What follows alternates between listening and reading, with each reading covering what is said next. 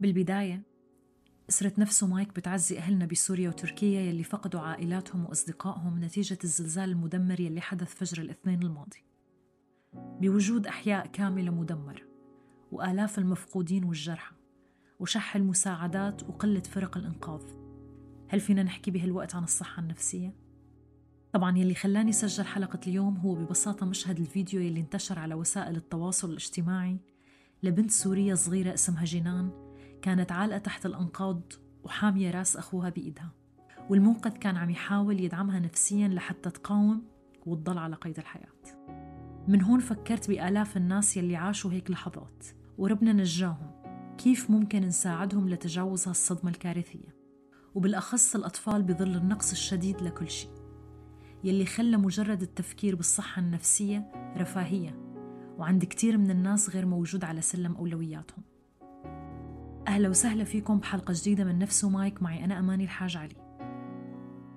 كتاب كيف فينا نساعد الأطفال وأهاليهم في حالة الكوارث الإنسانية يلي ألفوا مجموعة أطباء نفسيين صادر عن الأمم المتحدة بعام 2016 تم تقسيم ردات الفعل للصدمات عند الأطفال حسب أعمارهم.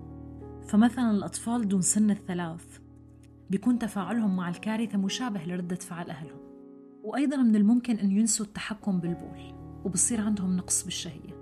أما الأطفال بسن المدرسة فصار عندهم خوف أكبر من الأشياء يلي كانت ما تخوفهم بالعادة مثل النوم لوحدهم أو الخروج للحمام لوحدهم. ولوحظ أيضا أنهم صاروا أكثر عداوة مع الأشقاء والأصدقاء. وكمان فقدوا الرغبة بتأسيس صداقات جديدة وتدهور مستواهم الدراسي. أما عند الأطفال الأكبر بشوي وقبل سن المراهقة كانت ردة فعلتهم مشابهة للأصغر منهم سنا ولكن لوحظ عندهم تصرفات أكثر تمردا. أما بالنسبة للمراهقين فأصبحوا أقل تركيزا وفقدوا المتعة بالحياة وصار عندهم شكاوي من آلام جسدية وارتباك وفقدان تركيز. وحسب الدكتور إيديث جروتبرغ فإنه مصدر قوة الطفل للتغلب على المصائب بينبع من ثلاث مصادر أساسية. المصدر الأول وبيجي من دعم مجموعة الناس الكبار يلي بيتصنف تحت بند أنا أملك. ويلي هن بالعادة بيثق فيهم الطفل وبيعرف إنهم بيحبوه مهما كان الأمر. وبيكونوا معه بحالة هو مريض أو هو بخطر وبيدفعوه للقيام بالأشياء بمفرده. والمصدر الثاني أنا أكون. ويلي بيتولد من الثقة والتفكير الإيجابي الناتج عن احترامه لنفسه وللآخرين وبيكون سعيد أيضا بمساعدة الآخرين. أما المصدر الثالث فهو أنا أستطيع والنابع من فكرة أنه الطفل بيلاقي شخص يساعده عندما يحتاج المساعدة أو حتى أنه يحكي مع حدا تجاه الأمور يلي بتخوفه أو تزعجه.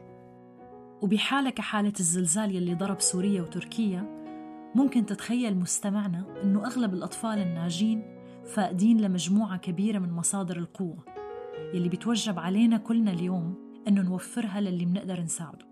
وبالحديث عن المساعدة للصحة النفسية فمجرد الحديث لأهل الطفل أو الاستماع لمشاكلهم والتخفيف عنهم فهذا يعتبر مساعدة ولو كانت عن طريق التليفون أو حتى عن طريق الإنترنت.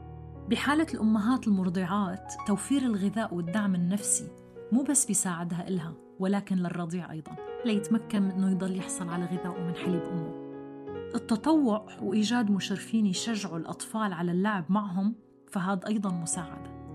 كمان إتاحة الفرصة للأطفال بأنه يحكوا عن الحادثة أو حتى يرسموا ما حصل معهم فهو مساعدة.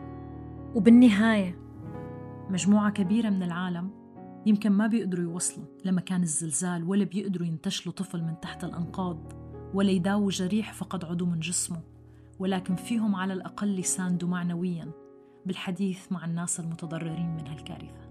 شكرا لكم مستمعينا. لا تنسوا مشاركة الحلقة مع المعارف والأصدقاء على حساب البودكاست نفس أند مايك تويتر يوتيوب إنستغرام. لتعم المساعدة على الجميع. وللإطلاع على مراجع الحلقة فيكم تلاقوها بأسفل موضوع الحلقة.